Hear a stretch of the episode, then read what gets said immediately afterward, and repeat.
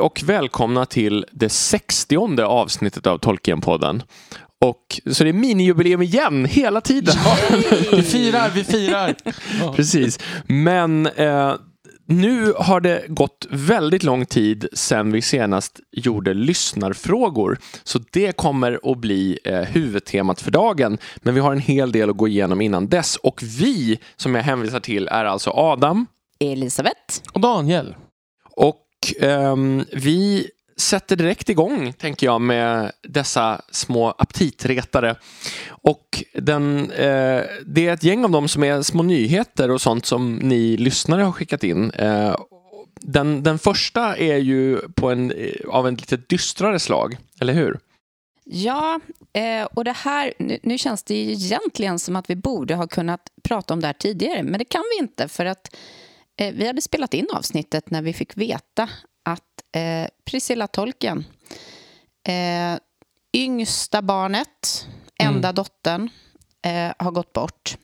Hon blev 92 år eh, och eh, ja, hon, hon gick bort efter en kort sjukdom, eh, vilket känns naturligt när man är så gammal. Mm. Men det känns ju också som att det är ännu ett eh, avslutat kapitel på, på sätt och vis. Nu är alla, alla barnen borta. Mm.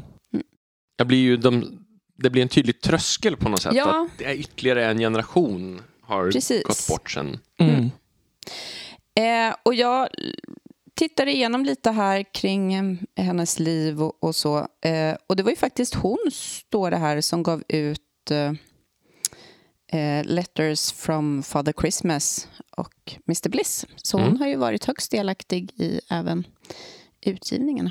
Mm. Mm. Och sen så har hon ju ofta pratat om att hon har varit ehm, aktiv i olika sådana här Tolkien eh, sällskapssammanhang. Varit med på Oxenmoot och sånt där och varit väldigt eh, vad ska man, generös med sin tid och bjudit hem folk. Och Ja, sånt. hon är den Mm. enda av Mm. de enda barnen som har Mm. gjort det. Ehm, Så en helt annan, ty, ett annat typ av engagemang än Christopher, Mm. får man säga. Mm. På ett annat sätt. Eh, Ja, men det, är väldigt, det är ju såklart väldigt tråkigt, om än såklart också väldigt naturligt. Eh, Men det, som du sa Elisabeth, det blir ju en, någon slags avslut. Ehm, Ja, Ja, så. precis. Får vi se om det finns någon i nästa generation som tar vidare stafettpinnen och gör det på samma, eh, på samma sätt och hittar kanske någon ny vinkel som, Ja, det finns ju några där som Ja, är lite... som aspirerar. Ja, Mm. De man har hört mest om är väl Adam och Simon, eh, men det, det finns ju ett gäng mm. i den generationen, så man får se vilka roller alla tar. Det blir ju inte lika toppstyrt längre utan Christopher, tänker jag. Nej, nej att han var ju så precis. tydligt centerpunkten när han Mm. levde. Mm. Mm. Ja, Adam, har vi några gladare nyheter? Ja, jag tänker att alla de andra nyheterna är ju nästan per definition gladare. Ehm, ja, ja, det, får man säga. men, Och det är ehm, tur. Ja. Ja, det är väldigt tur. Mm. Ehm, den första eh, fick vi inskickad som tips nyligen eh, till mejlen och det tackar vi för. Och det är vår lyssnare Johan eh, som har skickat in eh, tipset om att professuren som är döpt efter J.R.R. Tolkien på Oxfords universitet har blivit vakant. Eh, Så om ni är eh, internationellt erkända eh, engels, eh, akademiker i engelska och är specialiserade på områden mellan 1066 och mitten av 1500-talet, då kan ni ju ansöka till den här Tolkien-professuren Ja, jag slängde in en Ja. ansökan. lite man snabbt sådär. Precis.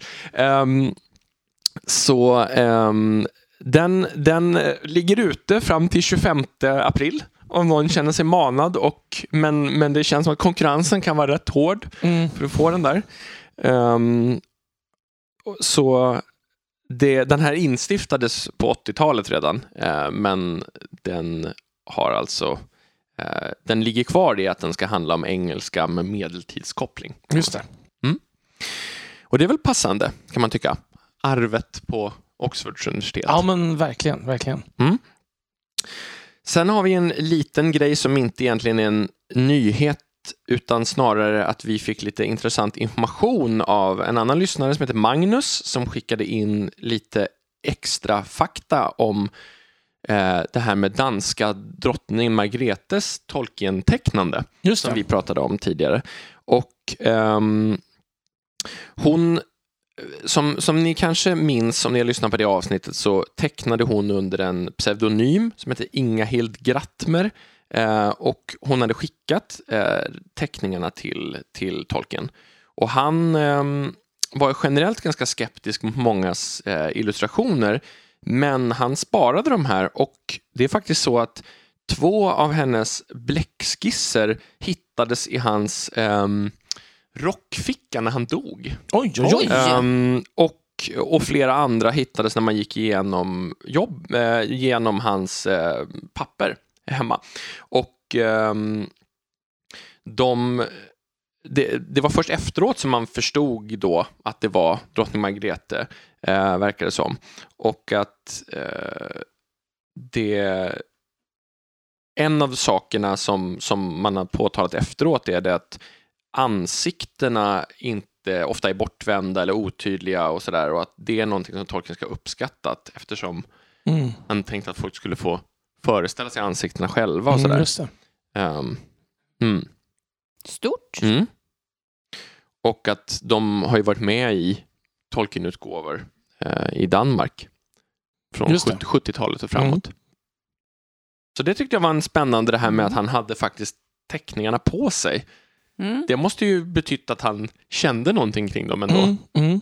Om det inte var så att man hade försvunnit i en Ja, ficka och Ja, bara exakt. låg där i skräpade. Men det exakt. tror jag inte. Ah, just det, jag har glömt ur dem där igen. De har ju Ja. legat där i flera år. Precis. Mm. Ja, sen ehm, en annan mer aktuell sak. Det, det är också ett tips vi har fått om eh, Peter Bryngelsson som bland annat är författare och eh, musiker som ger ut boken Sagan om Sagan om ringen eh, på Gi- Gidlunds förlag.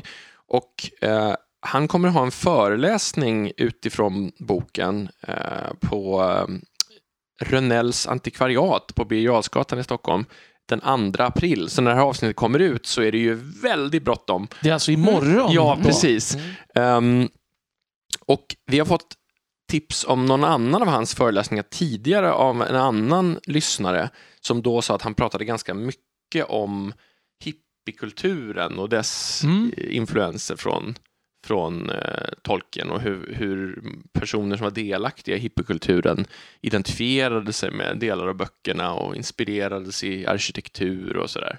Mm. Ehm, Så att det, jag kan föreställa mig att det är ett tema som dyker upp igen här. Det står också att han kommer att spela musik bland annat av Bo Hansson och kvartetten som sprängdes, Canned Heat och Nature. Ehm, Mm. så, Candit känner jag ju till, alltså Bo Hansson känner jag till. Men, Mm. Candit, men jag visste inte att de hade någon Tolkien-koppling, men det kanske de har. Vem mm, vet? det, Mm. det har jag faktiskt inte koll på heller. Nej, nej. Men det verkar ju det här, det verkar som att den här boken liksom handlar om någon, alltså att den på något sätt följer Tolkiens populärkulturella påverkan för att texten som finns på eventets hemsida står lite om så här olika, alltså hur, hur Tolkien har blivit allmängods efter filmerna och sådär också. Just det. Mm. Ja, Kan du inte rep- repetera plats och tid och, jo, och sådär? Rönnells antikvariat på Birger Jarlsgatan, kommer inte ihåg vilket nummer nu i huvudet, eh, i Stockholm. Den är ju inte så lång så det är bara att gå. Nej, precis. Ehm, det, ni får gå några gånger fram och tillbaka. Eller så kan ni faktiskt använda till exempel Google Maps. finns det en grej som heter. Ja, det Men det finns även andra Gula söktjänster. sidorna, alltså, Mm. tele- kartor. Ja. Jaha. Kan man riva ut och ta med sig? Ja, precis. Och det här sker alltså när avsnittet kommer ut imorgon, 2 april på kvällen. Mm. Ehm, sen en, en sak som när avsnittet kommer ut och till och med när vi spelar in nyss har skett är att eh, rollspelet The One Ring som jag pratade om förut, dess andra utgåva är eh, färdig i Kickstart-form. Jag har fått hem paketet, eh, bland annat. Och nu sen den 22 mars är det ute i affärerna och går att köpa.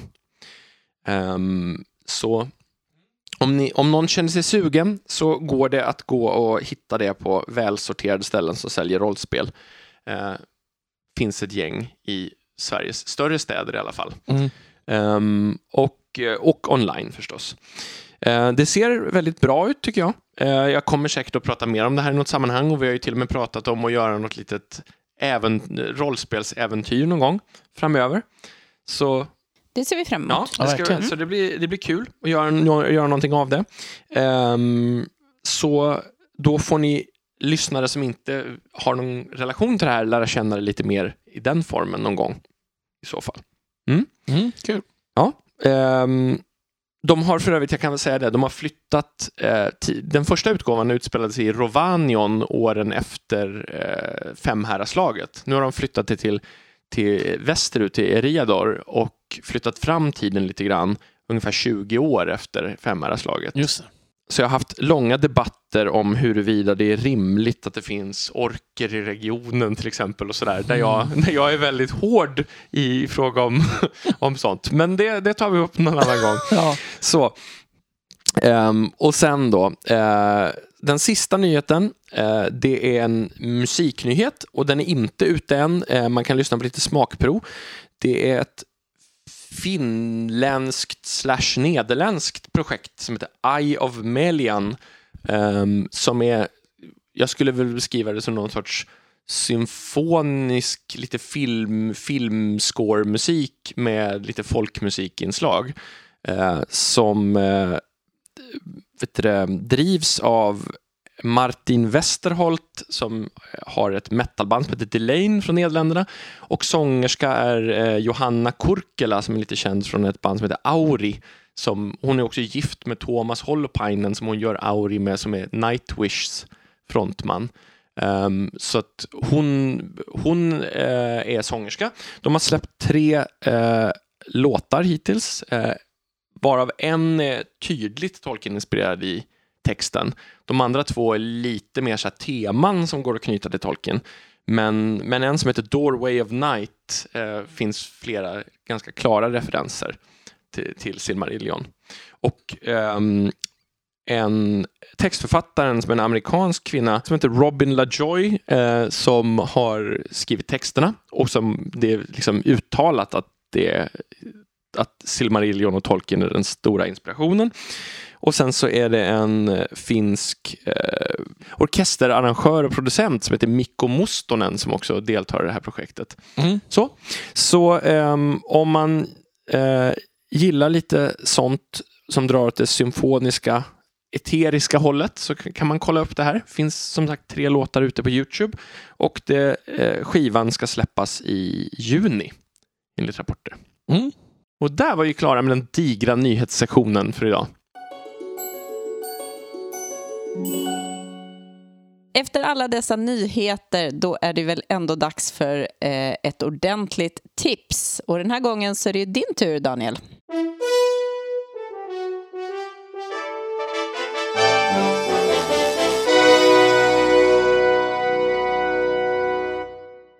Det är både nyhet och gammal skåpmat på samma gång, skulle man kunna säga. Mm. Eh, Spännande. ja, Jag verkligen. anar vartåt det här barkar. Ja, precis, eftersom jag har sagt Jo, till dig. men jag, jag tror att jag Ja. hade kunnat lista ut Ja. det ändå faktiskt. Ja, kanske. Ja. Eh, jag tänkte ta upp det gamla klassiska brädspelet Drakborgen. Ehm, och anledningen till att jag gör det just nu är att jag kommit i en nyutgåva ehm, så, och det kan jag återkomma till. Men eh, jag är ju inte den stora brädspelaren i det här sällskapet och jag kan säga att den, den som är det är inte heller Elisabeth. Som såg ut som ett frågetecken Ja. när Adam säger att det här borde man kunna lista ut. Ja, och jag tänkte, ja, precis. Ehm, men eh, och, så att jag eh, är verkligen, verkligen ingen expert. Jag spelar eh, väldigt lite. Nej, inte för att det inte är kul, utan för att det är så mycket som är kul snarare. Det, jag undrar om senaste gången du spelade brädspel var med mig för en fem sex år sedan när du spelade så här Axis and Allies World War One eller något sånt Ja, där. jag har nog spelat med min systerdotter, typ... eh, Fånga ballongerna. Ja, så sådana, precis, sådana spel har jag garanterat spelat. Ja. Muminspelet Okej, och sådana saker. det, det är sant. Det, Eh, men eh, Drakborgen är, kan man säga, det, det dök upp liksom hemma hos mig eh, när jag var liten. Jag kan inte säga, det gavs ut 1985 på Alga. Um, och det skulle kunna vara att, att det är ungefär då, någon gång där, strax, alltså kanske året efter eller så, som jag får, jag antar att jag får det av mina föräldrar. Jag vet faktiskt inte riktigt hur det här gick till. Och varför de köpte det. Liksom. Um, för det var inte så att man såg reklam på nätet på den tiden. Så att någon måste ha tänkt, det där ser kul ut. Och gett det till mig. Um, och för mig var det här nog ungefär det känns som att det är ungefär samtidigt som jag blir intresserad av tolken faktiskt. Um, och det finns ju en del Tolkien-referenser. Men, men innan liksom, vad vi går in på det så kan vi säga att det är ett brädspel där, där man, eh, man ska in i en drakborg. En borg som en, en ond trollkarl en gång i tiden har skapat. Och, så. och längst in finns det en drake som ligger på en skatt och ligger och sover där. Och man eh, kan vara eh, fyra spelare som kommer in från varsitt hörn i den här. Och sen är det så att man för varje drag då lägger man ut en bricka på det här så att, så att borgen blir olika varje gång. För att liksom korridorer och rum och sånt läggs ut under spelets gång. Det som idag kallas för modulära brädspel. Exakt vad jag tänkte säga. mm. Jag vet inte hur vanligt det var 1985. Ingen aning. Nej, det, var, uh, det är vanligare idag ja, än vad det var ja. då. Helt klart. Um, och Eh, och då, så, när man då kommer in i de här rummen så drar man kort och ser vad som händer och såna saker. Så, och så, det som gäller då är att man också ska ha koll på solen. För när solen går ner så dör man där inne i borgen. helt mm. enkelt. Så att man måste liksom in, ta sig in till den här skattkammaren och ut igen innan solen har gått ner. Eh, och på vägen eh, stöter man på monster och fällor och eh, händelser som inträffar och skatter. Och, så där. och Det gäller alltså att samla på sig så mycket skatter som möjligt eh, på vägen ut. Och Ibland kan det då löna sig att, att inte ens gå in i den här skattkammaren för att, för att hinna ut igen. Mm. helt enkelt. Så, för att Kommer man ut och överlevt och, har, och alla andra dör så har man liksom vunnit ändå. Så kallad push your luck mechanic. Exakt mm. vad jag tänkte säga också. um, och där tvingade jag då min familj att spela, min mamma och pappa och min syster. Um, jag tror ändå att de tyckte att det här var helt okej. Okay, för att även om det är liksom utifrån den tidens och våra mått mätt med vad vi spelade i vår familj ganska mycket regler och kort och sånt att hålla reda på. Så är det ganska logiskt. Det är inte för många parallella saker att hålla mm. reda på. Utan allting som ger sig ganska mycket under spelets gång. Så mm. kan man säga. Um, man kan hamna i strid och då har man så stridskort som man tar fram. Det blir lite sten, sax, påse kan man säga. Lite. Mm. Um, och Sen kom det också expansioner till det här som då gjorde spelet mer komplicerat. Och där någonstans tror jag att, att mina föräldrar någonstans tyckte att nu blev det lite för mycket. Nu räcker liksom. det. Nu räcker mm. det här, precis. Um, men jag älskade det här spelet när jag var liten. För jag tyckte den atmosfären var... Alltså, det byggdes upp en och Jag misstänker att det är det som många gillar med brädspel generellt. Att mm. Lyckas man fånga någon slags atmosfär som man gör att man känner att man är i den här borgen. Trots att det bara är små kort och brickor mm. och sådär. Så och jag tycker det var så otroligt spännande för man visste ju liksom inte heller vad som skulle hända just för man la ut de här brickorna mm. eh, under tiden. Så här. Och hade man otur kunde man hamna i en återvändsgränd som gjorde att man typ, jaha, jag får gå ut igen direkt. Liksom. Eller att, nej, jag dog visst här på en gång. Mm. Liksom det är ju väldigt känt för att vara det här otroligt dödliga spelet. Att, att man kan ha otur, dra ja. en fälla och dö. Ja, precis. Direkt. Eh, precis. Och, det, och för mig var det också första gången med de här olika eh, tärnor, tärningarna med många olika sidor och sånt där. Så jag mm. hade ju mm. inte stött på det tidigare. Liksom. Um, så det, och sen är den här Tolkien-kopplingen då. För att dels, alltså det är ju uppenbart inspirerat av de här upphovsmakarna som heter Jakob Bons, eller Bons, vet inte, och Dan Glimne. Eh, och som en illustratör som heter Anders Jeppsson. De, de är helt klart liksom, Tolkien-fans. Eh, för att en av de personer man kunde spela originalspelet heter Rida Rohan till exempel. Och mm. De monster man kan stöta på, liksom, där finns det orker och så. Och sen den draken som ligger och sover inne på en skatt känns ju också hyfsat Tolkiensk, får man ja. säga. Inte, inte unikt Tolkiensk. Nej, men premissen men... känns ju väldigt mycket också som, som Bilbo som ska smyga sig in till Smaug. Ja, alltså, ja alltså, men exakt. Inspirerad ja. av det. Och den kan vakna då, det, mm. och det mm. vill man inte för då... Ja. Ehm, och sen liksom illustrationerna, alltså det är någon av de här figurerna man kan spela som heter Sigeir Skarpyxe, om jag inte minns mm. fel. Han eh, ser väldigt mycket ut som Boromir i Bakshi filmen. Mm. Så, så att det är tydlig liksom, inspiration på det sättet. och varför tar jag då upp det här just nu? Jo, för att det har kommit, eh, apropå, Adam var inne på Kickstarter-grejer här, så kom det alltså Fandrake som bland annat drivs av Orvar Sävström. De satte igång en Kickstart för en, en, eh, ny utgåva av det här då. Och ehm, det var en de nådde liksom målet på sju minuter på 200 000 kronor. Det var en, den, då var det den mest framgångsrika liksom, Kickstarter-modellen i Sverige någonsin. Liksom. Eh, de fick in över tre, alltså över 3,5 miljon till det här. Så, så att jag var en av dem som bekostade detta. Eh, jag har inte hunnit spela det än. Jag har liksom mest öppnat det och liksom sorterat korten och öppnat förpackningarna och tittat på det. Så här. Men det, så, och det innehåller en del nya, för mig, nya expansioner och sådär som jag såklart ska ge mig in i vid tillfälle. Och jag ser liksom fram emot det, för jag har inte spelat det här jag kan inte ens minnas när jag senast spelade Drakborgen. Jag ser verkligen fram emot att få spela det igen och se om det, fin- om det bara är något slags nostalgiskt skimmer eller om det faktiskt fortfarande är lika spännande. Men bevisligen finns det ju folk som tycker det fortfarande. Det är ju spännande. jättestort i din generation Ja, generellt. ja, alltså jag känner många som, som har en jättestark relation till det. Jag har faktiskt spelat det. Det är nog inte så många i min ålder som har spelat Nej, det. nej. Vi har spelat det med en eh, kompis som är i din ålder som har originalet Ja, det. sen, Ja, jag har, sen ju, den jag, säga, tiden. jag har ju Ja. också kvar originalet. jag Precis, men, men så jag har faktiskt provat på det. Ja. Och det är, det är någonting särskilt med det. Det finns någon, någon typ av charm som, som det är lite svår att sätta fingret på. Mm, mm. Som finns många, i många sådana 80-tals fantasyprodukter tycker jag. Ja, ja, för det är ju inte så komplext liksom Nej. egentligen alls. Utan, men det är någonting med som sagt atmosfären. Eh, varför då det här blir ett tips det kan ju tyckas lite elakt. För, att, för det går ju inte att köpa den här nyutgåvan längre för de var ju tvungna att liksom backa då för att Mm. få den. Men om ni inte har spelat Rakborgen så, och blir nyfikna så ni känner ju säkert, om ni känner någon 70-talist så, så, kan, så kan det säkert... Elisabeth gör en så här jättekonstigt ansiktsuttryck Ja. här. Jag sitter just och letar. Var kan jag köpa den här? Ja. Nej, det kan jag inte, är svaret. Det Alltså. måste finnas begagnade Ja. eh, spel att köpa. Men tänkte jag. begagnade går ganska dyrt Mm. kan man säga. Det här är ju en stor, stor grej. Mäh.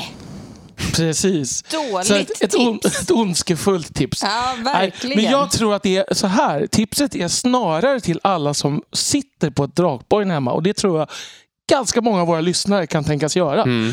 Att Bjud ta- in allmänheten. Ja, och jag tänkte så här, ta fram det från Ja. din, ta, upp, ta det från vinden eller källan och ta upp det och spela det igen och se, är det så roligt som ni en gång tyckte? Eh, för det tänker jag göra. Så det, det är mer tips till er som redan har det skulle jag säga. Mm.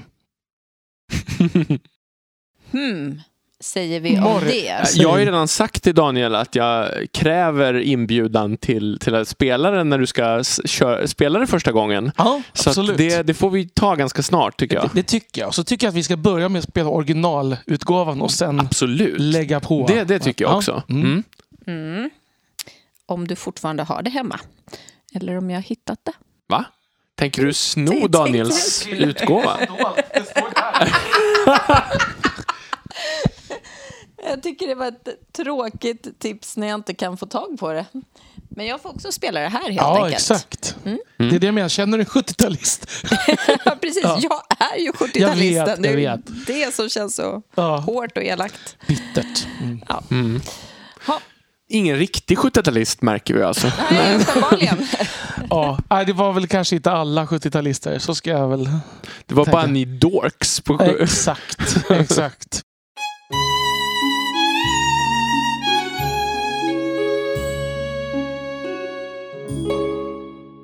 Ja, då är det dags till slut då för lyssnarfrågor. Och vi vet ju att några av er har fått vänta jättelänge.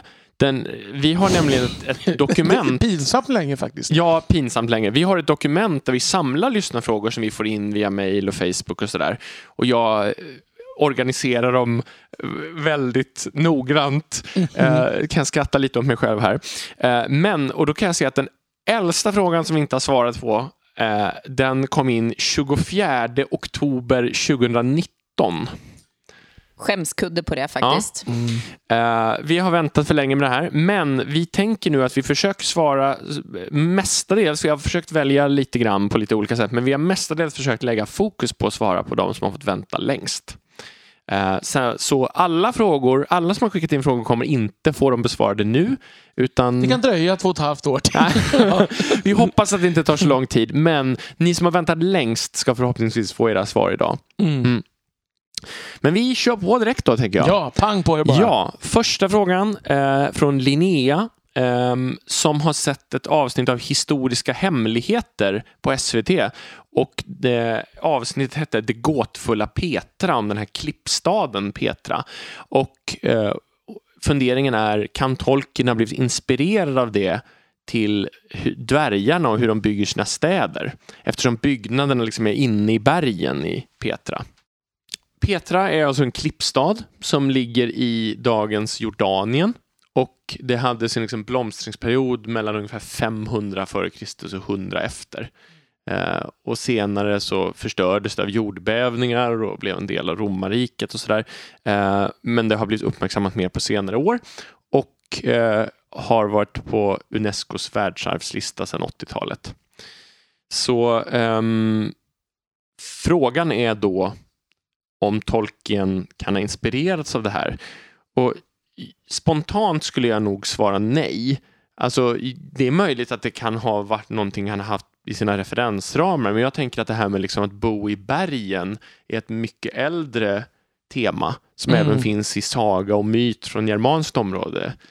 Trollen och, och, och dvärgarna och sådär. Både i fornnordisk mytologi och i, i senare sagomaterial.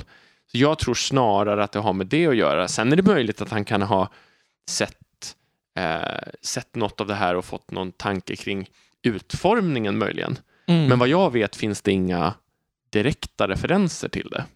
Man skulle kunna tänka sig att om man, alltså, att han skulle kunna tycka att det var fascinerande Absolut. ändå. Liksom. Men, eh, men kanske ändå precis inte en direkt, direkt inspirationskälla på det sättet.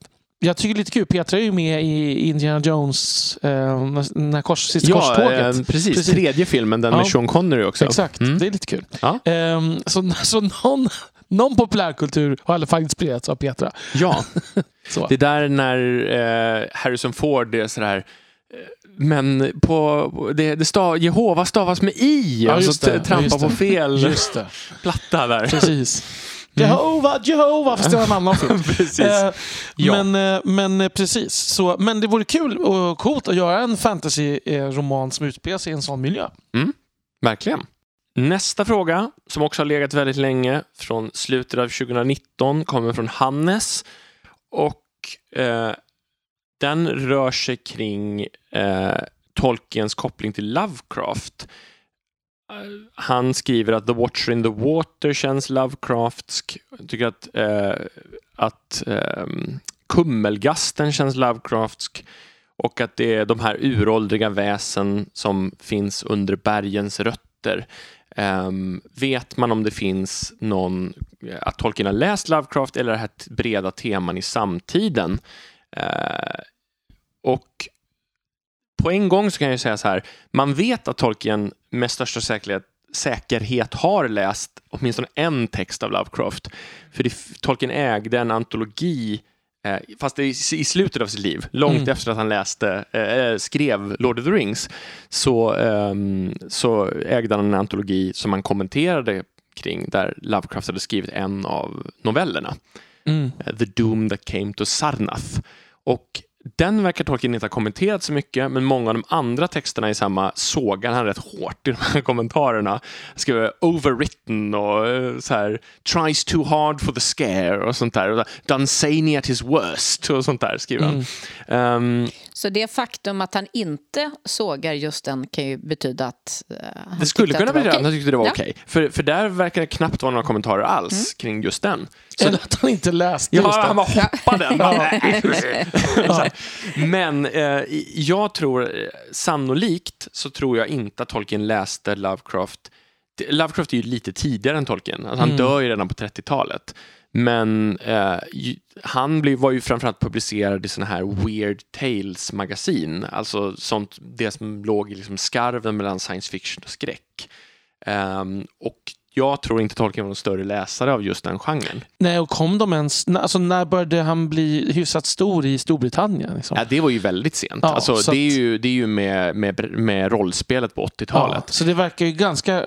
Ja. Alltså inte helt sannolikt då, Nej, men kanske. däremot, det fanns ju den här liksom, kretsen i USA av ganska unga författare på 20 och 30-talen där Lovecraft var lite av ett namn bland dem. Mm. Som Tolkien säkert hade hört talas om några av de andra. Robert E. Howard till exempel Just som det. skrev Conan Barbaren var en av dem. Ehm, men jag, jag skulle gissa nej. Och dessutom kan man ju säga, jag är inte säker på att jag... Jag tycker ju att de här som gnager på bergen är ganska Lovecraftska, men Alltså jag, jag, när du sa det här med Kummelgassen kan jag ändå se den här... eh, Liksom, den här offerkultgrejen Mm. lite grann. Att den ändå mm, finns. Det skulle inte... Också som någon slags här... Lite av det här att de nästan blir... Som Mary blir nästan Mm. uppfångad av någon slags äldre medvetande. Ja, så precis. Det är en väldigt Lovecrafts Ja, med de här liksom, eh, olika tidslagren Ja, och, och precis. Att sådär. nästan får, ja, man får en vision framför Mm. ögonen som är någonting annat. Precis. Däremot så skulle jag säga att The Watcher in the Water pratar man ofta om som Lovecraftsk, men jag är inte helt säker på att jag Alltså där, det, många gånger så, så överdriver man tentaklernas roll i vad som är Lovecraft, tycker jag. Mm. Och att man väljer, om, någon, om det finns Lovecraft är så mycket mer än tentakler. Ja, men det är så. Och att, att man, det är alltid väldigt mycket så här, man, man associerar bara till Cthulhu och Mm. därför så, ehm, så blir det ofta ett monster med tentakler, då associerar folk till Lovecraft. Men jag tycker att det är in, inte är kärnan. Så The Watcher in the Water med den här mystiska identiteten och något uråldrigt som lurar under, under berget. Visst, Mm. det finns väl någon koppling, men jag tycker att eh, själva som, som litterär koppling så är de här underbergen som inte går att förstå sig på och som är liksom Mm. äldre än världen, de är mycket mer Lovecraftska. Det är mycket mer essensen av hans eh, litterära verk, tycker jag. Mm.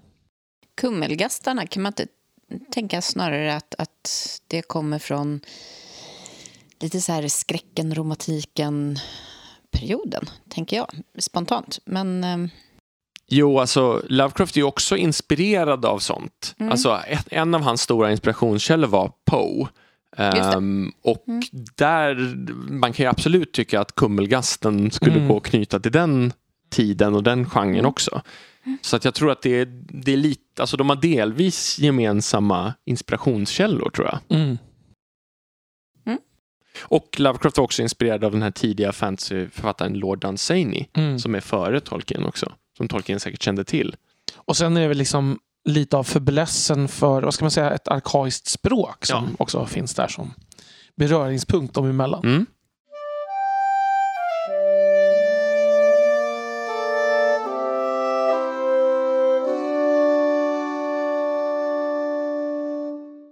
Sen har vi en fråga från Erik som är lite mer, eh, handlar lite mer om Midgårds politik. Och den, den handlar om ett scenario i vilket Saruman hade lyckats få tag på ringen och vad som hade hänt efter det. Eh, att Sauron hade förstås krävt att Saruman skulle lämna över den och Saruman hade ju säkert inte gjort det. Vad tror vi hade hänt sen? Och Erik lägger då fram ett, lite olika scenarier här. att eh, Antingen så skulle Saruman börja dominera Dunland och Rohan, södra Dimmiga bergen och konfrontera eh, Sauron. Men, men var, var skulle Gondor och Rohan komma in i det här? Eh, skulle Saruman försöka anfalla Gondor eller skulle försöka bilda en allians med Gondor mot Sauron? Ehm, eller skulle, skulle vi få se ett alternativt slag på Pelennor med liksom andra styrkor mot varandra? Där Saruman också undsätter Gondor, eller skulle Gondor istället undsätta Isengård om det kom en stor styrka från Mordor? Vad tror vi? Alltså en spontan grej jag tror det är ju att han jag menar, han, låg, han höll ju redan på att bråka med Rohan. Liksom. Mm. Så det känns ju som att han skulle inte gått, ingått någon slags allians med Rohan. Det känns ju osannolikt. Han hade ju säkert utplånat Rohan Mm. ganska snabbt. Och då hade väl Gondor, frågan är, men förhoppningsvis kommit till Rohans hjälp då. Alltså de Mm. omvända. mm. Ehm, kan man väl ändå tänka sig. Och då hade, alltså, jag ser ju inte framför mig att han hade ingått allianser på det sättet. Nej, han skulle ju ha försökt ta över den rollen, tänker jag, som Sauron. Ja, Alltså, i, inte medvetet initialt, men det hade blivit slutprodukten. Men det blir en intressant fråga ändå. Om vi säger att, att Theoden blir raderad på fältet istället för att dra sig tillbaka till Helms Deep och Rohan faller väldigt fort. Mm. Då hinner ju inte Gondor komma till undsättning och då blir det lite som att vad gör Denethor då? Om de, det finns två, två styrkor, en på var sida, som båda känns lika fruktansvärda. Mm. Hur ska man förhålla sig? Där Gondor är ändå en relativt stor makt. Men hade de varit... Eh, jag tänker så här.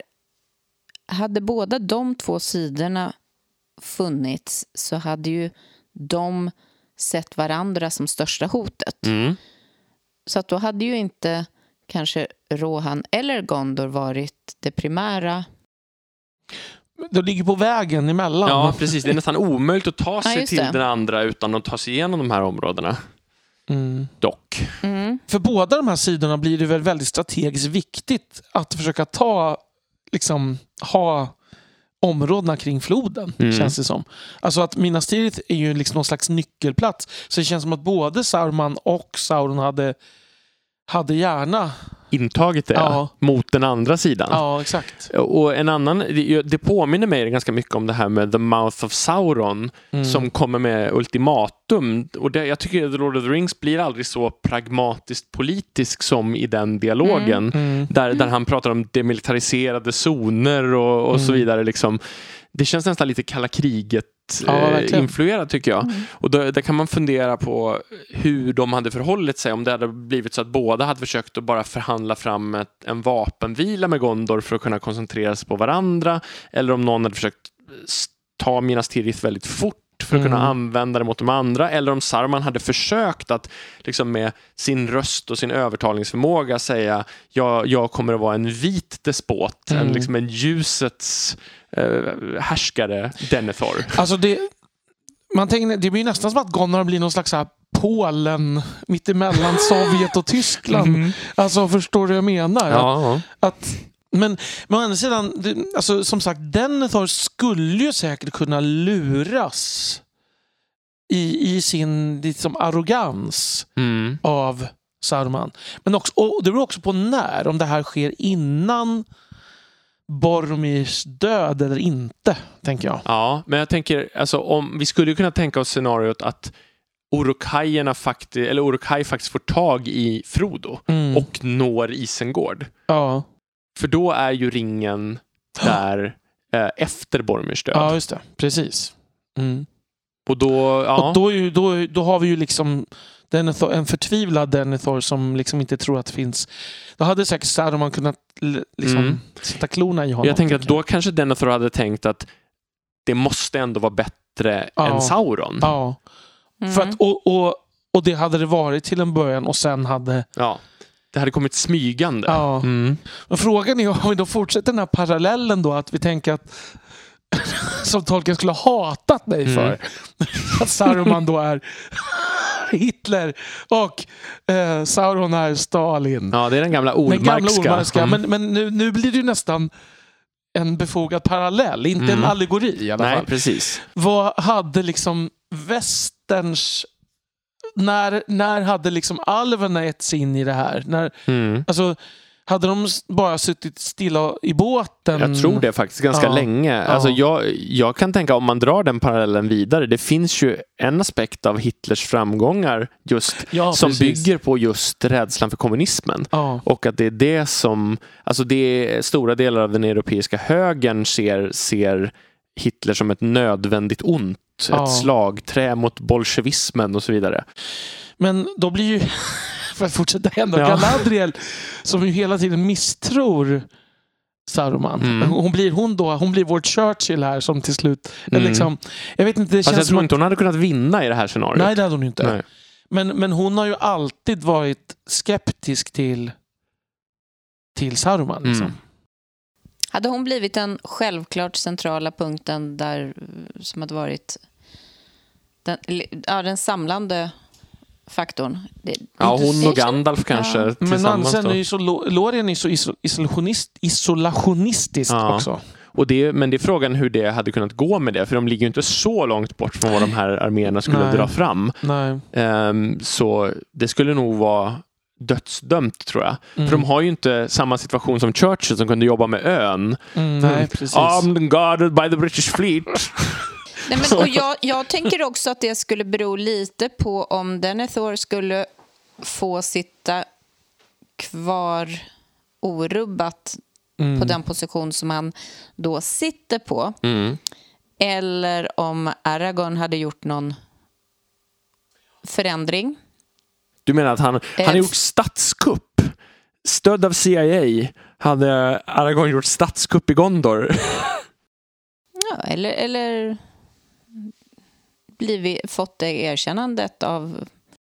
Men frågan är, hade han kunnat få det med Denethor kvar? Hade han inte bara förnekat att, att det här var den rättmätige arvtagaren till Elendil och Isildur? Ja, alltså jag kan också se framför mig att, att både Sauron och Sauron hade kunnat göra sig av med Denethor och installera liksom en någon slags alltså i, i, i namn en, en självständig Ja, just det. eh, Någon liten regent. marionett. Men man, Ja. som var en marionett. Mm. Liksom, absolut. Mm. Ehm, ja, Det är en ganska intressant scenario ändå tycker jag. ja. Mm. ja, och det är ju inte heller det här är ju inte så långsökt. Nej. Alltså det är ju ändå ganska nära att Saruman får tag på det. Ja, Eh, får man ju säga. verkligen. Så hade det här varit en tv-serie som man inte hade bestämt slutet på då hade det här varit den givna utvecklingen för att då hade man kunnat fortsätta liksom, Mhm. intriger och krig i precis all oändlighet. Ja. Och precis, och sen så skulle de, de goda vara i ännu större underläge.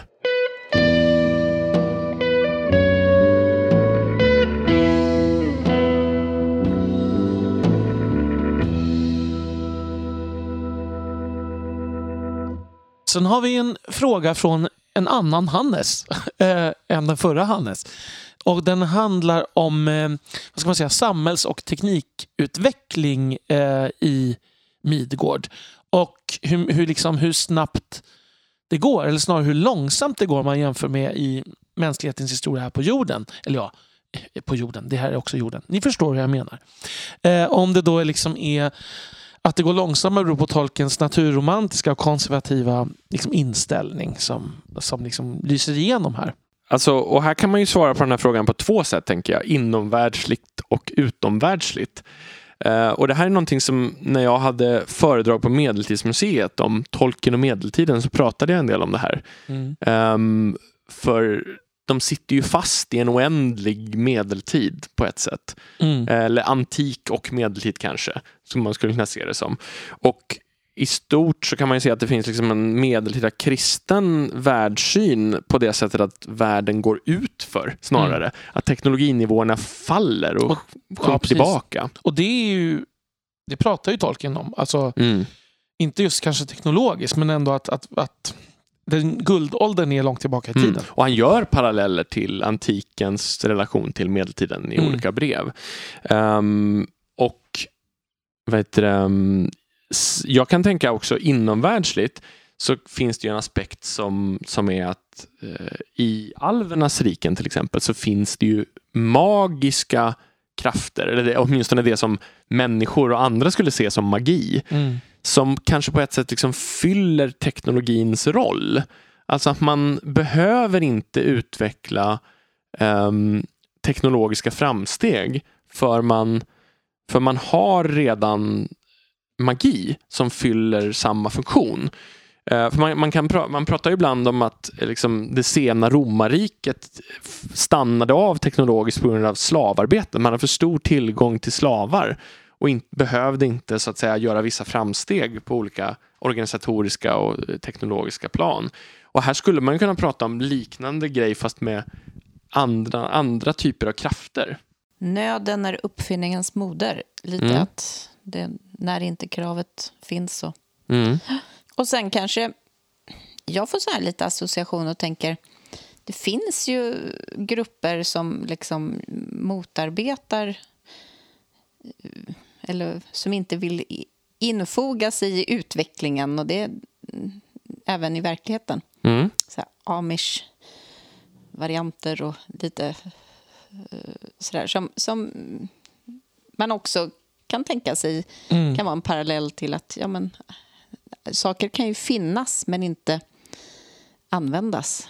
Det är ju dessutom så att det finns ett parallellt spår och det här är ju det krångliga då med Fylke. Mm. Liksom, där ju utvecklingen har gått längre än någon annanstans. Mm.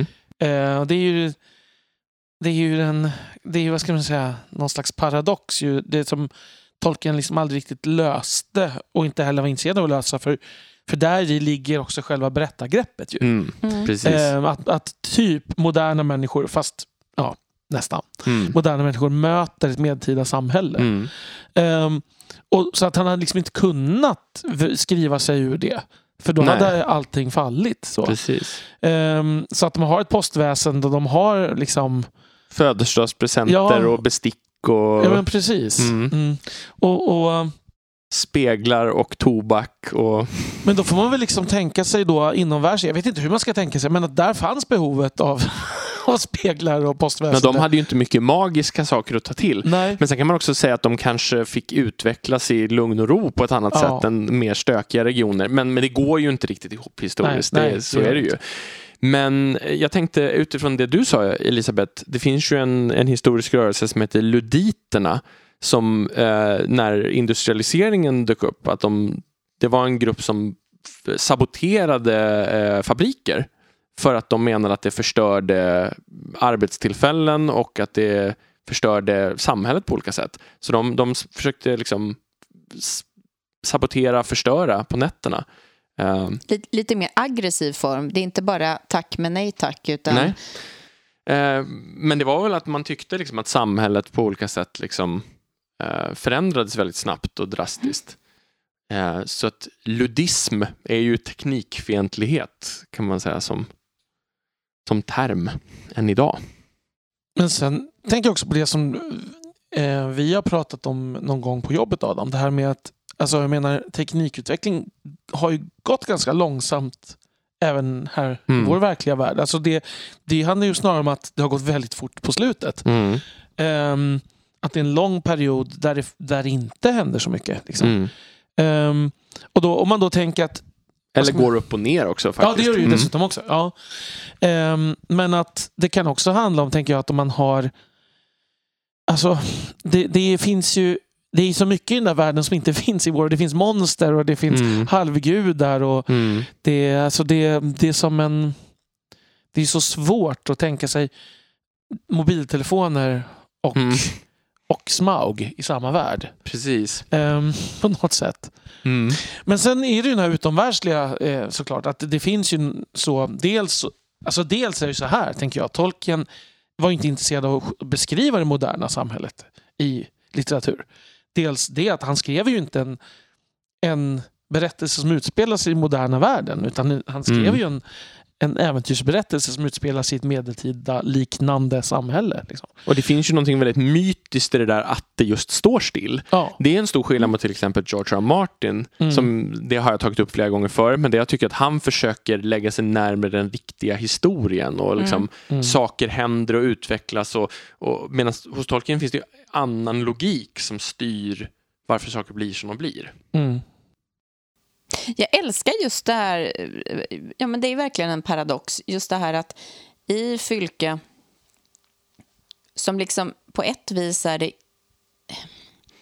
det som står utanför samhället eller utanför världen som liksom är som inte har hängt med på allt som händer i den stora vida världen är fortfarande den del som har kommit längst. Mm.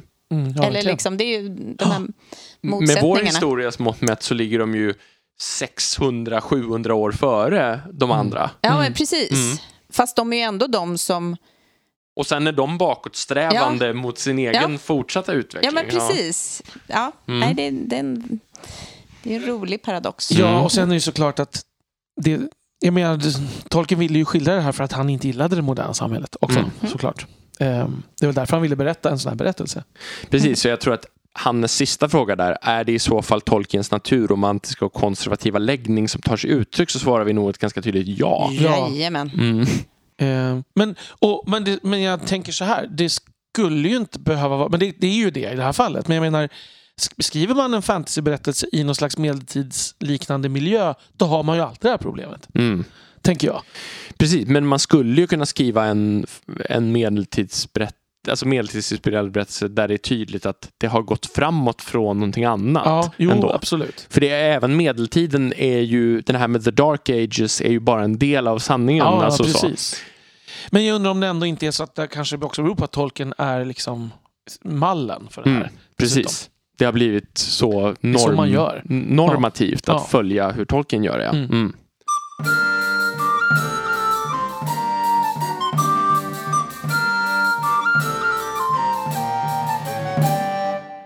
Då kommer vi till en fråga från Anders här. Eh, han undrar om det finns någon annan än Bilbo som författar och skriver eh, en bok. Spontant Frodo. Ja, och, och sen Sam. Ja, ja. Precis. Det är ju lite stafettpinne där. Mm. Vet vi någon annan? Romil av Tirion till exempel, som Bilbo översätter en del verk av. Mm. Eh, han är, liksom, står bakom ett antal, eh, förutom ett skriftsystem, så också bakom ett antal texter.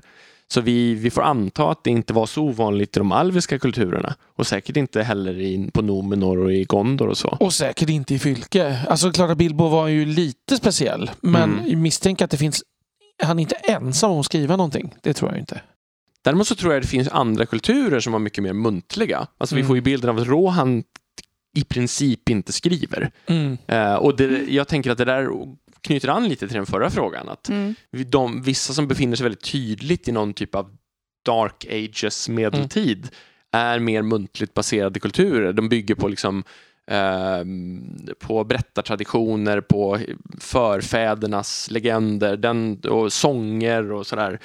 Man bevarar kunskap på det sättet. Medan, och, och det kanske inte är en tillgång på papper överallt. Vi vet inte faktiskt. Det är jag faktiskt lite osäker på. Skriver, tolk, skriver Bilbo på, på papper? Det gör han va? Ehm, Det- Tolkar jag att han gör. mm. För man skulle ju kunna tänka annars att det skulle vara pergament Ja. eller något sånt. men det, Men det tror inte jag. Det det- känns nej, inte det är ju fylke. Nej, det gör det verkligen inte. Ja. Nej.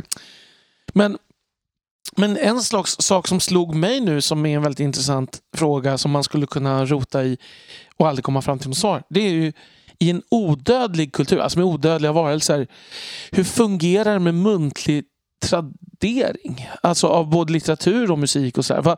Det är liksom, man för ju inte vidare, alltså det är klart man för vidare också till yngre generationer som kommer också. Men när man tänker liksom att den första vi, säger, vi tar en gammal mm, folkvisa, någon medeltida ballad Mm. som ju har förändrats. Töres döttrar i Vänge. Till exempel, Ja. den tar vi.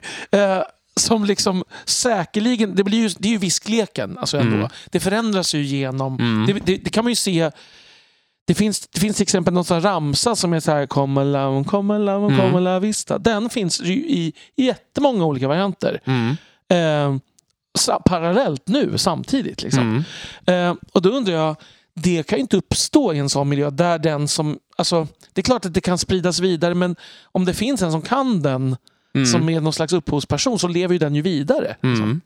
Jag är inne och funderar på lite från eh, The Adventures of Tom Bombadil. Fanns det inte någon, någon som var liksom berättad om, eller någon författad om eh, någonting av någon eh, som var uttalat att det var den här som hade skrivit? Ja, det, var, alltså, det finns ju flera stycken. Ehm, tänker sådana varianter kan ju finnas en del. flera av dem sägs ju komma från Bilbo just eh, Mm. i, i den samlingen. Sen så visst är det någon Men, text. men Errantry är väl en översättning? ja, Är den inte det till exempel? Mm. precis. Det, det är en, ska vara en inomvärldslig Mm. översättning. Mm. Och flera av de där texterna befinner sig ju lite mitt emellan där Tolkien lite vagt låtsas att de är inomvärldsliga men egentligen är det mest liksom ett Mm. tunt lager för att ha ett skäl att stoppa in dem i samma Mm. Ja, samling. just det. Mm. Mm. Och då har vi ändå inte namnen. Nej, på vem. Kanske någon men jag kommer inte på just nu. Sen skriver ju Mary en bok om Ja, det. piptobak. Mm. väl? Ehm, stämmer ju. Vilket ju inte är skönlitteratur men ändå författande. Helt Mm. klart. Det räknas definitivt. Sen har vi en fråga från Ossian som som undrar vad egentligen planen var för att ta sig till Domberg med ringen. Um, fanns det några andra alternativ än Svarta porten eller förbi Kilob? Och det här är ju någonting som vi har liksom rört vid några gånger när vi har pratat, till exempel när vi tittar på filmerna, att Gandalf reagerar så starkt på att och nej, har de tagit den vägen? Och då är frågan, vad, vad hade han då tänkt sig? Mm. Och, och, svaret är väl alltså, jag tror ju att det är orealistiskt att tanken att man skulle gå runt. Det Mm. för, tar för lång tid. Vi Eh, kan inte gå runt. det var mor, Moraträsk. Moriaträsk. Moriaträsk. ja. ja, underbart. Mm. Ja. Men, eh, vad heter det? måste klättra över. Ja, precis. Mm. Ehm, men däremot så, så skulle man väl inte kunna utesluta att det möjligen kan finnas andra pass över bergen som Gandalf kanske känner till men som inte hobbitarna kände till. Jag ty- det är min rimligaste förklaring till Gandalfs chock. Mm. Ehm, men sen är frågan hur, hur noga utarbetade Gandalfs planer var. liksom. Mm. Ja, det, Och varför han i så fall inte har berättat om dem för någon. Det, det är ju redan som det är lite men jag tänker att. Gandalf på det sättet kanske är lite en sån här man som inte vill fråga om vägen när han kör bil. Precis, Eller exakt. känns han inte lite som en sån? Precis, alltså, Ja. jag vet vad jag gör! Ja, liksom här. Jag kommer alltid i tid. Ja, precis.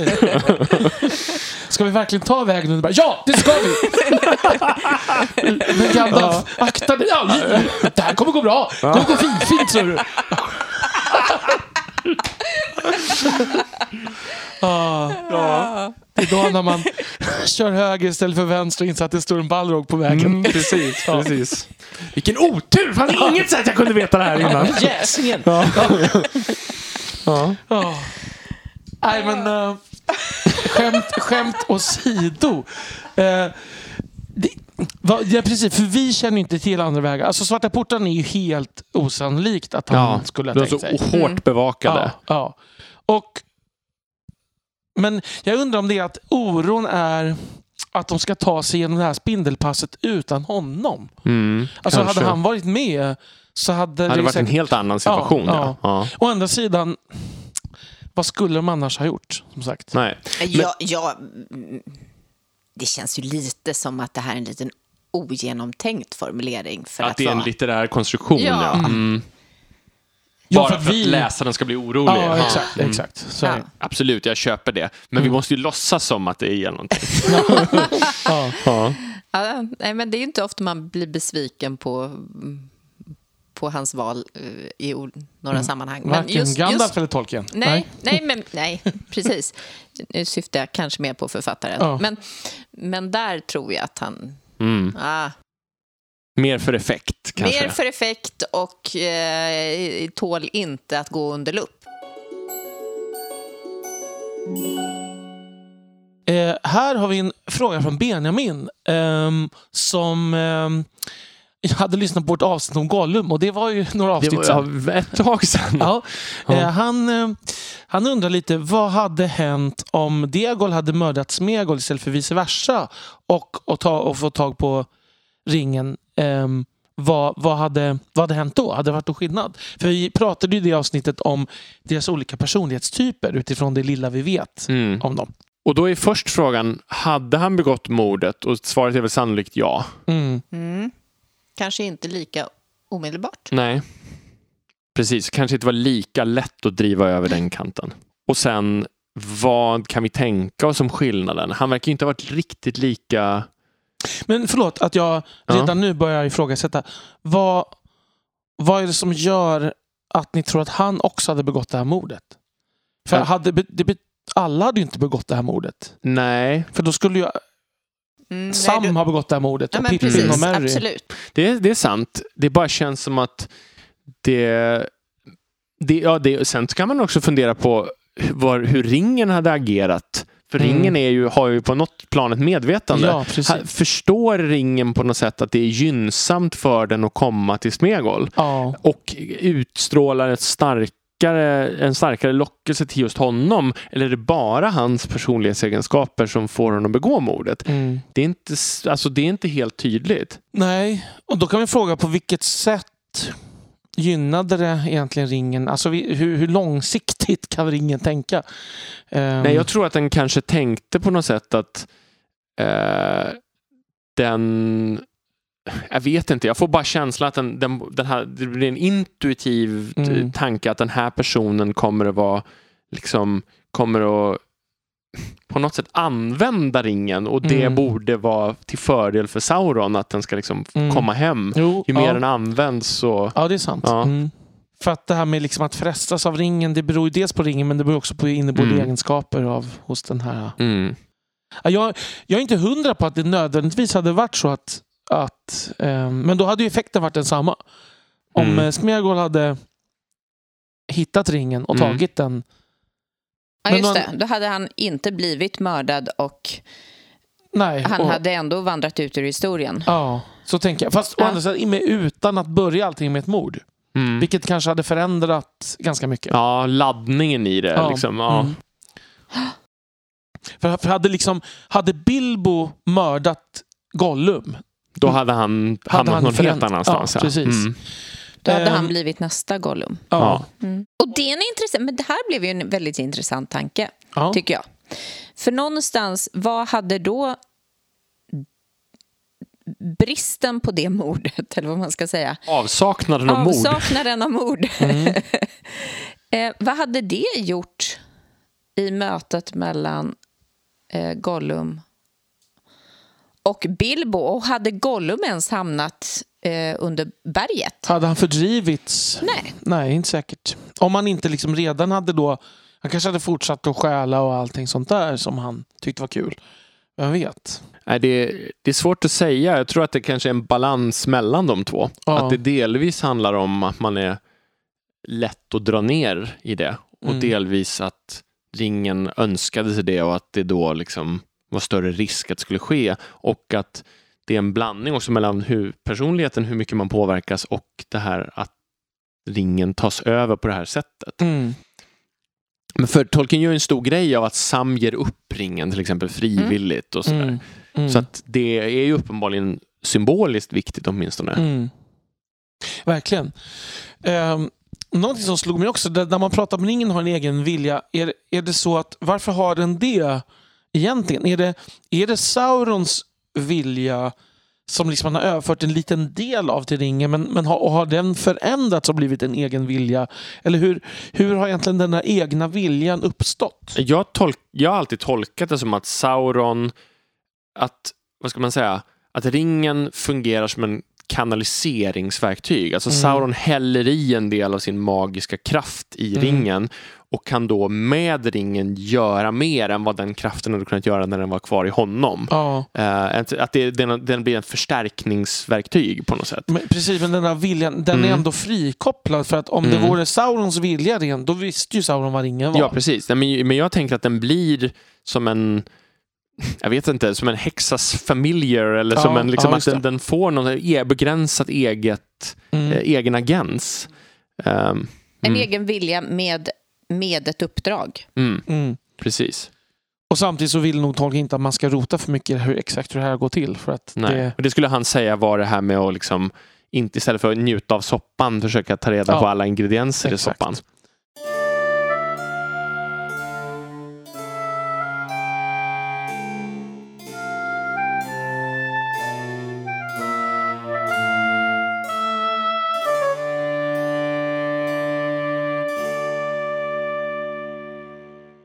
Ja, nästa fråga kommer från Jonathan. Om Tolkien hade levt idag, eh, men med samma bakgrund och erfarenheter från första världskriget, hur tror ni att böckerna hade skilt sig åt? Till exempel vad gäller kvinnor, främlingsfientlighet och religion.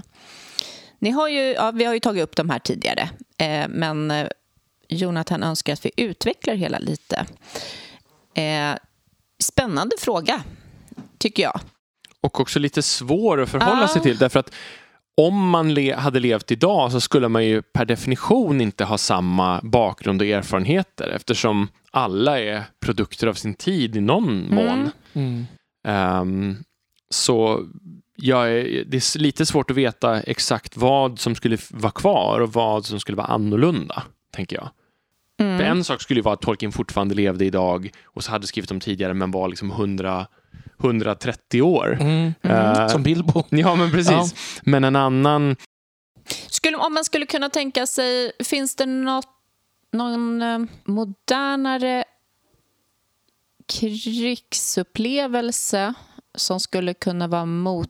eh, Jag tänker att, att det skiljer en, ändå en hel del mellan första och andra världskriget. Mm. Robert Jordan var Eh. med i Vietnamkriget till exempel. Vet vi. Alltså upp, utifrån Mm. fantasyförfattande och sådär. Jag tror ändå om man tittar på Tolkien, det intressanta med Tolkien är ju det att han, han tycker ju ändå, även om det finns liksom krigsskepsis och kriget är hemskt, så tycker ju Tolkien att krig för en rättfärdig sak kan vara nödvändigt. Mm. Han har ju ändå kommit ur det med att liksom det, det goda måste strida för, för Mm. att besegra det onda. Medan en del andra senare fantasyförfattare har mer landat i det här att det finns inget gott i ett krig. Mm. Eh, och det är frågan, är, beror det på deras personligheter eller beror det på krigen? Och för mig, jag tänker att första världskriget borde vara ett av de mer demoraliserande krigen någonsin. Mm. Just på det sättet att man inte alls ser någon överblick och någon poäng med allt man gör. Men det är ändå som att det är det är slutet på en era av någon slags krig kanske. Liksom, åtminstone, alltså, jag Ja. vet inte. Det, Ja, det var ju säkert att vara the war to end all Ja. wars. Ja. och, Mm. att, och att senare krig, jag vet, jag vet, det här är jättesvårt. Det, det är ju liksom det är inte bara på grund av att synen på krig har förändrats. Det är så många olika aspekter runt Mm. omkring synen på människovärde och liksom och andra världskriget liksom vad det hade för... Alltså det är Och svårt. förintelsen Ja, ska precis. vi inte Ja. underskatta där. Nej, verkligen. Och sen står vi återigen i en, i en värld som fokuserar väldigt mycket på krig just nu. Ja, Så är det ju. precis. Och, och kanske en mer... En annan syn på krig, tror jag, än som, i alla fall i Sverige, än vad som har varit brukligt de senaste decennierna. Mm. Jag tycker att synen på krig har förändrats i och med det här aktuella kriget. Så Mm. Känns det som. Absolut. Spontant, om jag bara tittar på de här tre olika områdena så tänker jag att eh, jag tror ändå att hade det varit eh, modernare tid så hade kanske fler kvinnor förekommit i berättelsen. Mm. Eh, religionen vet jag inte om den skulle ha varit så stor. Nej. Eh, Alltså det beror ju på just vad man menar med att Tolkien hade varit densamma. Hade han kunnat vara densamma? Nej, det hade han alltså, inte. Nej, och Nej. det är det Nej. som är det svåra. Men Nej, för att det är inte som att man kan lyfta ur en person ur en tid. Det sa du redan, men jag säger det en gång till. Mm. Bara, ja, men det är som en tidsmaskin, fast framåt i tiden. Så Mm. funkar det ju liksom inte. Ehm, så att jag tycker att den är svår. Om man liksom tänker att en, en person med den genetiska uppsättningen, men, men det, det, det finns ju liksom inget sätt att nej. utreda hur det skulle gå till. Och vi vet ju att när katolska kyrkan började med sina eh, vad ska man säga, moderniseringsförsök på 70-talet så var ju Tolkien väldigt skeptisk. Mm. Mm. Eh, så. Precis, men hade han vuxit upp som katolik på 70-talet? Ja, då hade han ju säkert förhållit sig Ja, helt ja. annorlunda till det. Precis. De har ju gjort upp med väldigt många saker inom religionen fast att religionen fortfarande är väldigt viktig och stor, stark. Mm. Eh, har, har stor påverkan eh, på olika människor. Så att, Men om man, om man tänker lite, lite grann så här, om man, om man tänker hur Tolkien var utifrån sin tid då, mm. så var han väl, skulle jag, om jag, om jag bara får säga, han var ju mer troende än de flesta, Mm. skulle jag Mm. nog ändå tänka. Alltså i, Absolut. i, i Ja, men- England i alla fall. Ja. Mm. Eh, han var ehm, han var sämre tror jag på att ta upp kvinnor i sitt författarskap än många runt Mm. omkring honom. För han befann sig i en väldigt manlig sfär Ja. hela sitt liv. Ja. Alltså först i militären, sen i akademin. Sådär. Ja. Och det hade ju kanske varit förändrat Mm. idag för att idag är inte det lika utstuderat Nej. manliga Nej. eh, sfärer. Och, och han, får jag nog ändå säga, det här kan ju, jag vet, det här är ju svårt, men jag, man får nästan säga att han är mindre främlingsfientlig på många sätt än många i sin generation. Mm. Men utifrån det lilla vi vet vad han tycker privat. Så där. Mm. Sen i sitt författande är det ju inte, är han ju, finns det problematiska aspekter helt klart. Mm. Liksom. Eh, det, är svårt att komma ifrån det liksom här koloniala synsättet och Mm. hela liksom, och civiliserade människor och såna här saker som Mm. man ändå tänker. Men, men utifrån hur han uttrycker sig om liksom jag menar, tänk, jämf alltså, jämfört med många andra som var mycket mindre antisemitisk liksom, än Mm. många andra Mm. britter i den generationen. Och sen så blir det inte nöd... Alltså, ofta häng, har ju de hängt ihop, men, Ja. men hans liksom glorifierande av vissa så här germansk Ja. Var ju hos honom ovanligt frikopplad från främlingsfientlighet. Alltså Ja. det finns ju Mm. många andra som har gjort samma gjort, gjort, haft samma fascination men som har parat Mm. ihop det mycket mer med rätt obehagliga tankar om alla andra. Ja, just det. Verkligen. Som Mm. inte helt och hållet ändå förekommer hos Tolkien. Det finns, vi har ju tagit upp många gånger Ja. vissa citat som låter väldigt illa. Men det skulle kunna vara mycket mer. Alltså, den fascistiska fascinationen för Tolkien är ju till ganska stor del ändå ogrundad. Mm. Liksom, Mm. De läser in saker som inte finns där. Mm. Mm. Han, han tillhör lite mer de här eh, fotbollssupportrarna som jag gillar som kan heja på sitt lag utan att hata de an- andra lagen. ja. Ja. Det är en diskussion som jag och Elisabeth har haft några gånger. Vad, hur, hur man ska förhålla sig i sådana frågor. Ja. Ehm, Man kan tycka om både Djurgården, AIK och Hammarby. Eller? Ja, nej, det kan man faktiskt inte. Ehm, mm.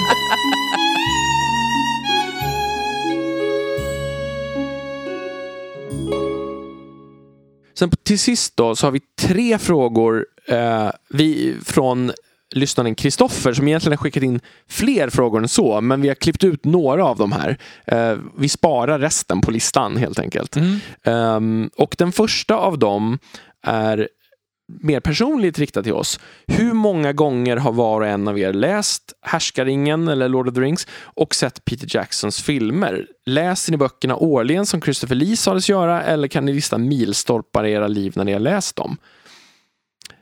Jag har läst jag vet, ibland tror jag att jag har sagt olika saker, men jag är ganska säker på att jag har läst trilogin elva gånger.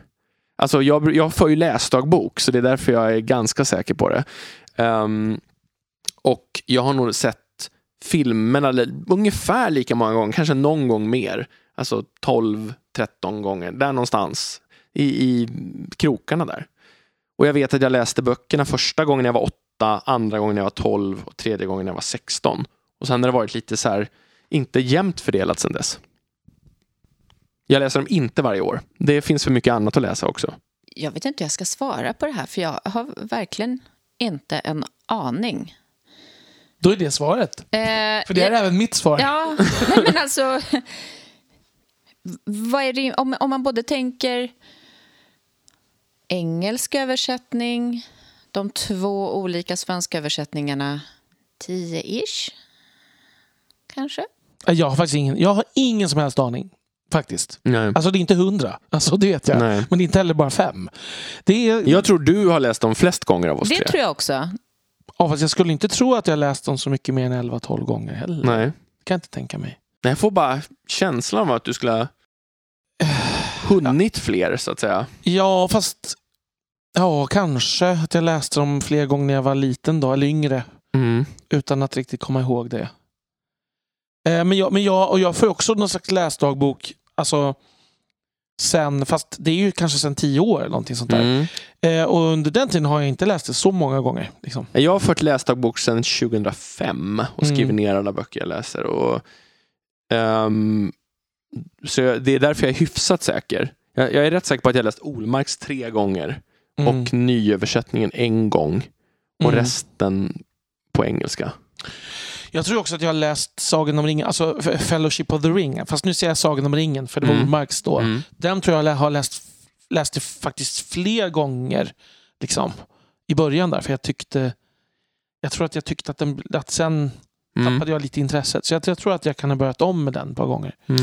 Nej, Men, och jag, jag, jag backar lite. Jag tror inte att det är tio för min del. Men jag tror att jag har läst delar och lyssnat. Mm. Eh, kanske en, sex, sju gånger kanske Mm. totalt.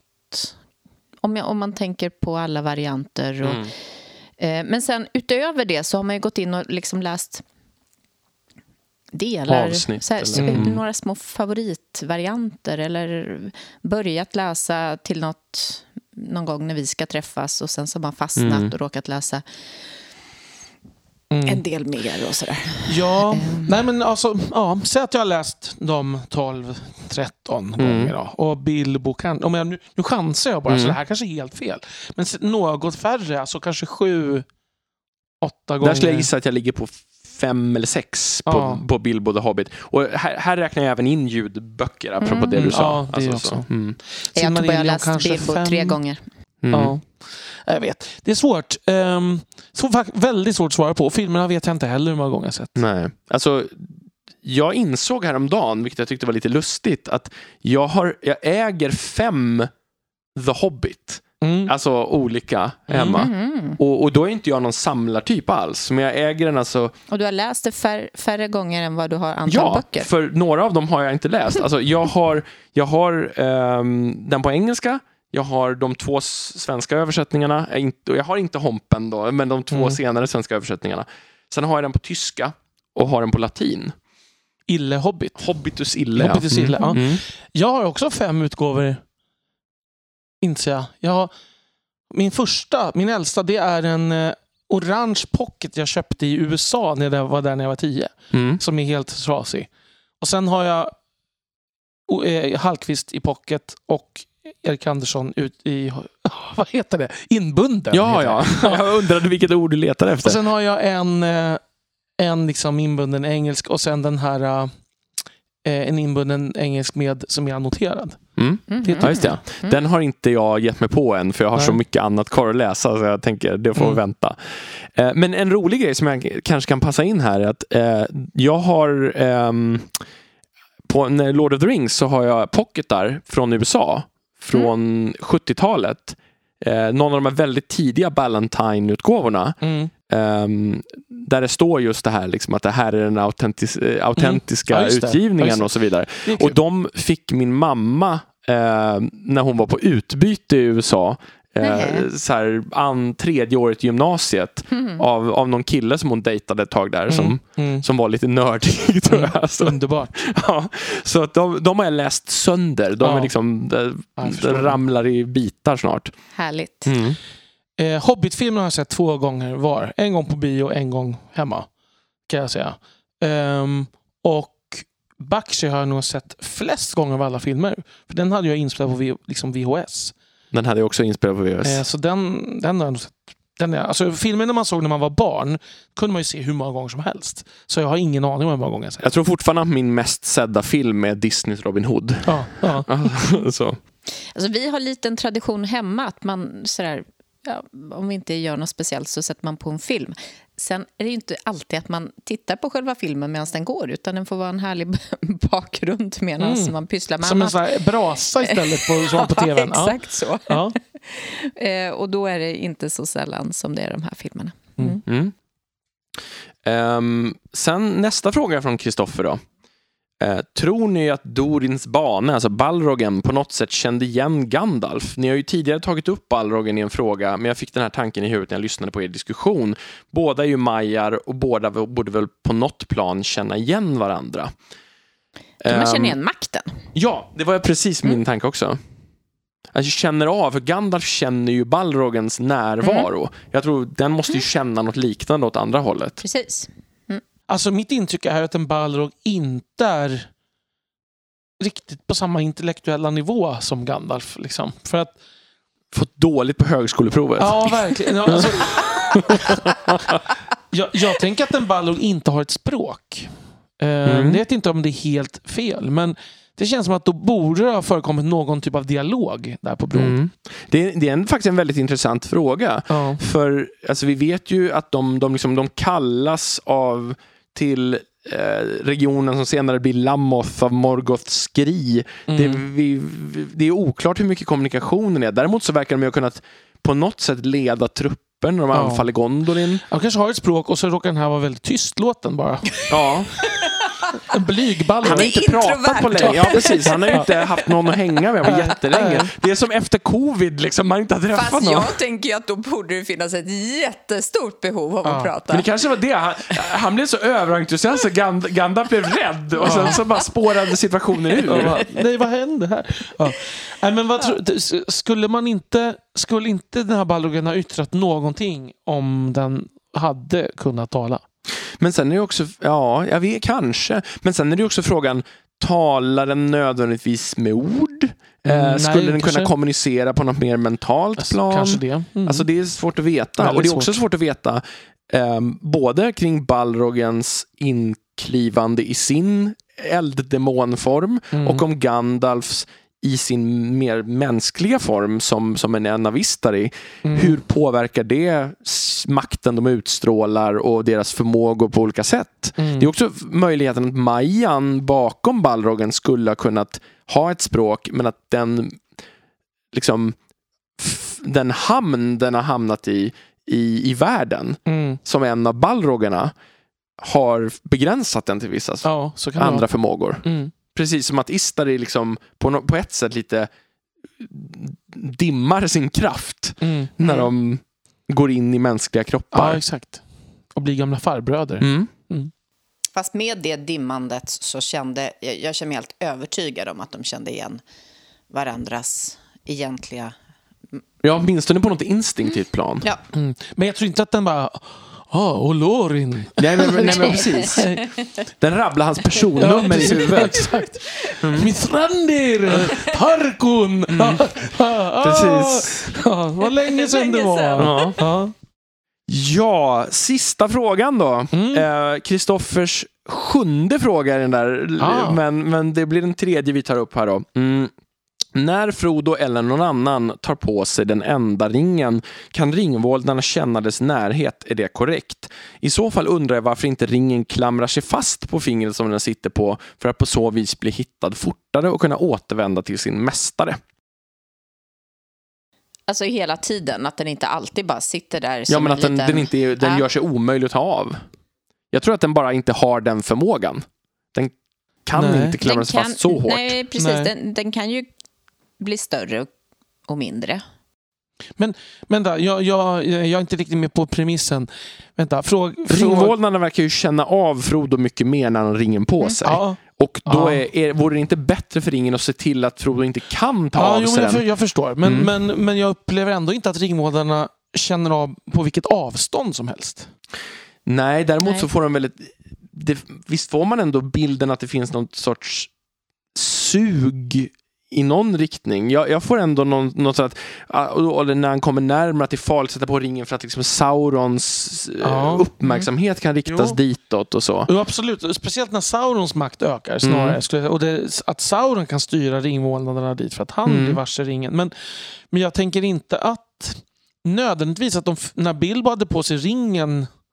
Så visste inte de från Nej. den andra sidan av kontinenten, Nej. menar du, var han var Nej. någonstans? Nej, men jag tänker som till exempel när han eh, nej, vid, vid mötet eh, av hur många av dem är det? Eh, Fem, va? Det är ju Weathertop. ja, Mm. Det är väl? eh, Ja. Hade inte Frodo använt, eh, åkallat liksom de goda, Mm. hade han då kunnat ta av sig ringen? Det är jag tveksam till. Nej. Och där känns det ju som att ringen liksom, och det finns ju andra gånger när ringen ser till att Frodo sätter på sig den Ja. Mm. utan att tänka sig för. Mm. Så att den har ju uppenbarligen någon sorts sådana Mm. förmågor. Men hur långt sträcker de sig? Men, men precis, men det är inte så att den är omöjlig fysiskt att ta av honom. Nej. Utan det är ju att han, att han inte kan för att hans beroende är för starkt. Mm, han kan inte där, övervinna den inre Ja. motstånd, det Ja. inre motståndet. Men den kan ju ibland bli för stor och trilla av. Mm. Precis. Men då är frågan, ja, men, men det är frågan hur långt går den här makten? Skulle den kunna bli hur liten som helst och knipsa av fingret om den ville? Liksom? Det tror inte jag. Nej, det tror inte jag heller. Jag Mm. tror, att, jag tror inte heller att det här är... Jag är inte säker på att det här är rent fysiskt. När du tänker att det är mer metaforiskt, Ja, det ja. här att den... Eller, eller metafysiskt kanske. Eller liksom Ja, att, den, mm, att det kanske snarare handlar om en mental sak. mm, Att den glider av för att Alltså, för att ringen påverkar bäraren på något Mm. sätt. Fast det är svårt att säga. Är svårt att säga. Men det är ju Fast om du medvetet tänker vagt. på hur han blev liksom hittad i vattnet, eh, Ja. Isildur och... Ja, där tror jag, där framställs ju verkligen som att ringen medvetet ser till att glida ja, av. Ja. Det är ju inte att han påverkar honom att plocka av Nej, sig det, ringen. nej, jag tror inte att han jag tror inte att den påverkar att han plockar av sig. Det tror inte jag heller. Men det, jag har, Men det är mer som att den skulle du vet, glida av medan han simmar av en slump, men att det är, är det här verkligen en slump? är det ja, så du lite menar? mer så tänker Mm. jag. Men det är inte säkert att det är alltså. För att bevisligen kan den ju passa på olika stora fingrar. Mm. Frodo lär ju ha mindre fingrar än Isildur. Mm. Och kanske Sauron är ännu större. Ja. Och det ser man ju i filmen har de ju gjort det så. Mm. Liksom, att den krymper när Mm. Isildur tar upp den. Så det, är absolut, det är inte helt lätt. Men jag tror ändå inte att det är så enkelt som att om man har ringen på sig så blir man hittad. För Gollum hade ju på sig ringen jättemycket. Mm. Liksom. Nej men det är ju mer... Visserligen var, deras makt, Saurons Mm. makt var mycket mindre då. Men, Nej men precis, och den, den förmågan kanske är ganska svag. Det, det, man däremot, det som däremot händer är ju att man träder, man de, blir- se, ja, man blir synlig ja, med precis. ögonen för Mm. dem. ja. För de är väl nästan blinda. Mm. Alltså, på, nä, alltså, det känns som att de ser i någon skuggdis. ja, så är det ju. Mm. Ehm, och att man träder in och blir tydlig för dem Mm. så så känns på. det. Mm. Mm. Precis som att Galadriel, liksom, när hon, hon förändras ju synligt för Frodo. Liksom, Mm. När hon pratar om sin ring. Liksom. Mm. Och det, det blir som att den makten aktiveras Ja. och, och verkligheten förskjuts lite grann. Mm.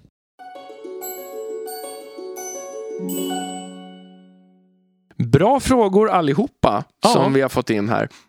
Eh, nu, vi har tröskat och vi tycker att vi har svarat på ganska bra, men vi har många frågor kvar. Mm. Så att vi säger så här till er just nu.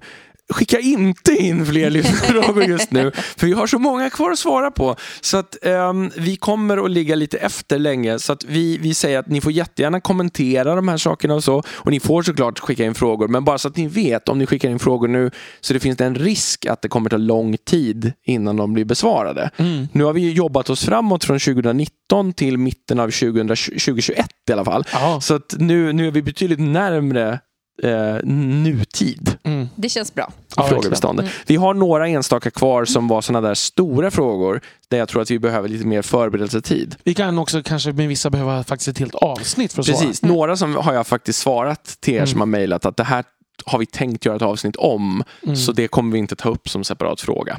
Mm. Men med det så knyter vi ihop säcken och tackar för att ni har lyssnat eh, återigen. Och hoppas att ni har en trevlig månad så hörs vi igen eh, i början av maj. Mm. Det gör vi. Och då ska det vara varmt och skönt igen. Och då med det avsnittet så kommer vi ha gjort podden i fem år. Jubileum igen! Mm. eh, ja, kanske. Ja. Och kanske, det här är, låter så helt sjukt när jag säger det, kanske har vi då kommit upp i en kvarts miljon nedladdningar. Ja. För nu är vi, det är typ tre och ett halvt tusen ifrån eller något Mm. sånt där. Men i och med att det här är vårt 60 avsnitt så har vi släppt 5 gånger 12 om man Ja. undantar det där specialsläppet vi gjorde med de engelska intervjuerna. Mm. Så då, liksom, med det här avsnittet har vi släppt motsvarande fem år avsnitt en gång i månaden. Mm. Det är ändå lite Det är stort. lite galet. Ja. Ja. Och en kvarts miljon, det har jag svårt Det att ta är in. ogreppbart Ja. faktiskt. Det är. Jätteroligt att så många Ja. vill lyssna Mm. så många gånger. Mm. Det, det är fortfarande lite svårt att fatta faktiskt. Mm. Roligt och lite galet. Och tack så mycket för att ni, ni tycker att det är så roligt Mm. fortsatt. Mm. Och tack för den här gången. Så hörs vi. Eh, ha det så bra. Hej då! Hej då! Hej hej!